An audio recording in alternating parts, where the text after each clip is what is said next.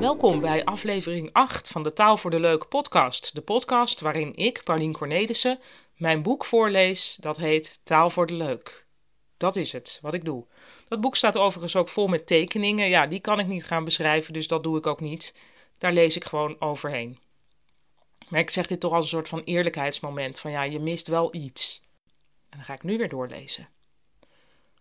Meurgeur. We kochten een kerstboom en kozen een beetje een ielige met van die kleine naaltjes, omdat die volgens de handelaar het meest naar kerstboom rook.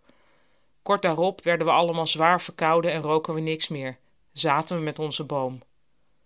Zou het daarom zijn dat kerstwinkels en kerstkaarsen zo ontzettend meuren? Je ruikt ze zelfs met een forse wintergriep al op een kilometer afstand. Laatst dacht ik dat ik in een restaurant een kerstwinkel rook, maar dat bleek een dame te zijn die die ochtend in een bad vanille was gestapt. Het was overweldigend, maar zelf rook ze het waarschijnlijk niet meer. Geuren, je diensten voor het grootste deel maar te ondergaan. Dit brengt mij op yoga-thee.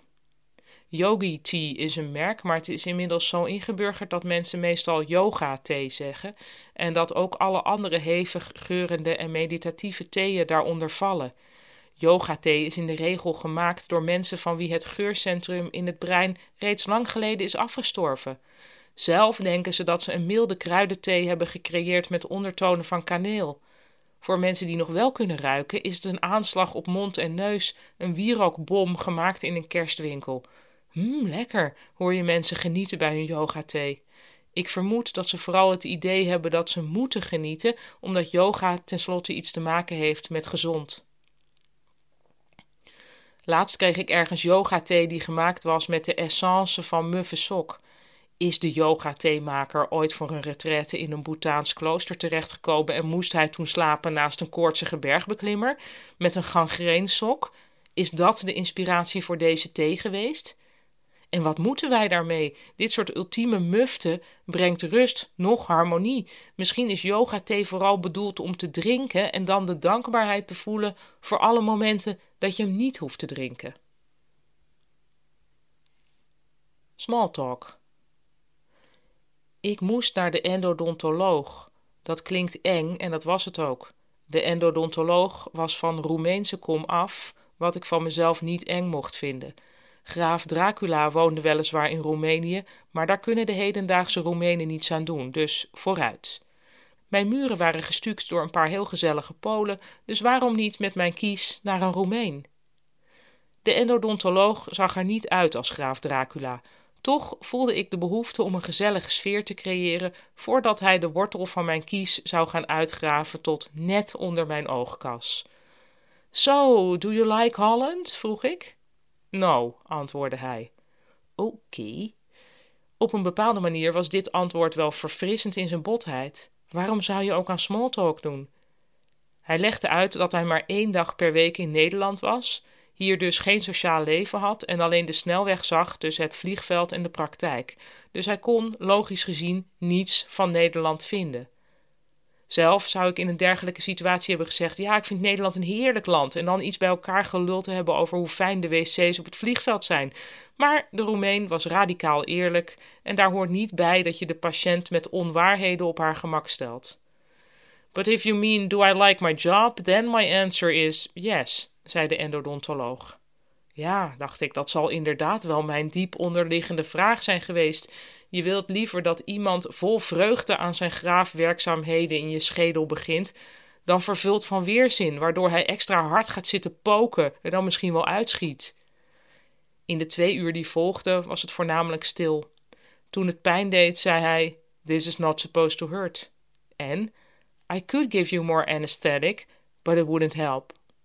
Hier werd niets zonniger voorgesteld dan het was. Ik was in goede handen is eigenlijk een heel moeilijk woord om in het Engels uit te spreken. Anesthetic. Anesthetic. Het is heel moeilijk. Respect voor alle Engelsen en Amerikanen. Ja. Maar goed, wij hebben ook weer moeilijke woorden. Het is ook allemaal geen hiërarchie. Dat is trouwens ook een moeilijk woord in het Engels. Hierarchy. Hierarchy. Moeilijk. Goed, ik ga door. Het jaar zien. Hoe zie jij het jaar? Dat is een vraag die je kunt stellen als de rek er op oudejaarsavond een beetje uit is.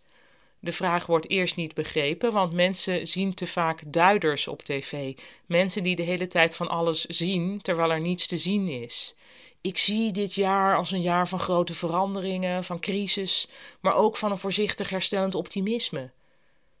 Je moet dus uitleggen dat je je vraag letterlijk bedoelt, namelijk het is bijna onmogelijk om iets te denken zonder er een plaatje bij te zien. Dus als je het over iets abstracts hebt als een jaar, hoe zie je dat dan? In mijn geval is januari boven, februari daar iets schuin onder, maart daar weer iets schuin onder. Het jaar heeft de vorm van een handboog.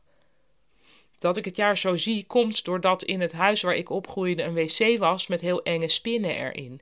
Om mijn angst voor spinnen te bedwingen, richtte ik me op de wc-kalender op posterformaat, waar het jaar de vorm van een boog had omdat het meestal niet nodig is om te praten over hoe het jaar eruit ziet, wordt zelden duidelijk dat mensen het jaar verschillend visualiseren.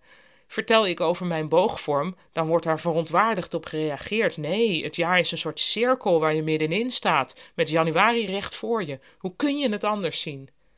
Laatst sprak ik iemand die het jaar in 3D zag, als een soort weg die omhoog gaat in de zomer, maar in september naar hem toe buigt. En wanneer kom je dan weer uit bij het beginpunt? vroeg ik, naïef.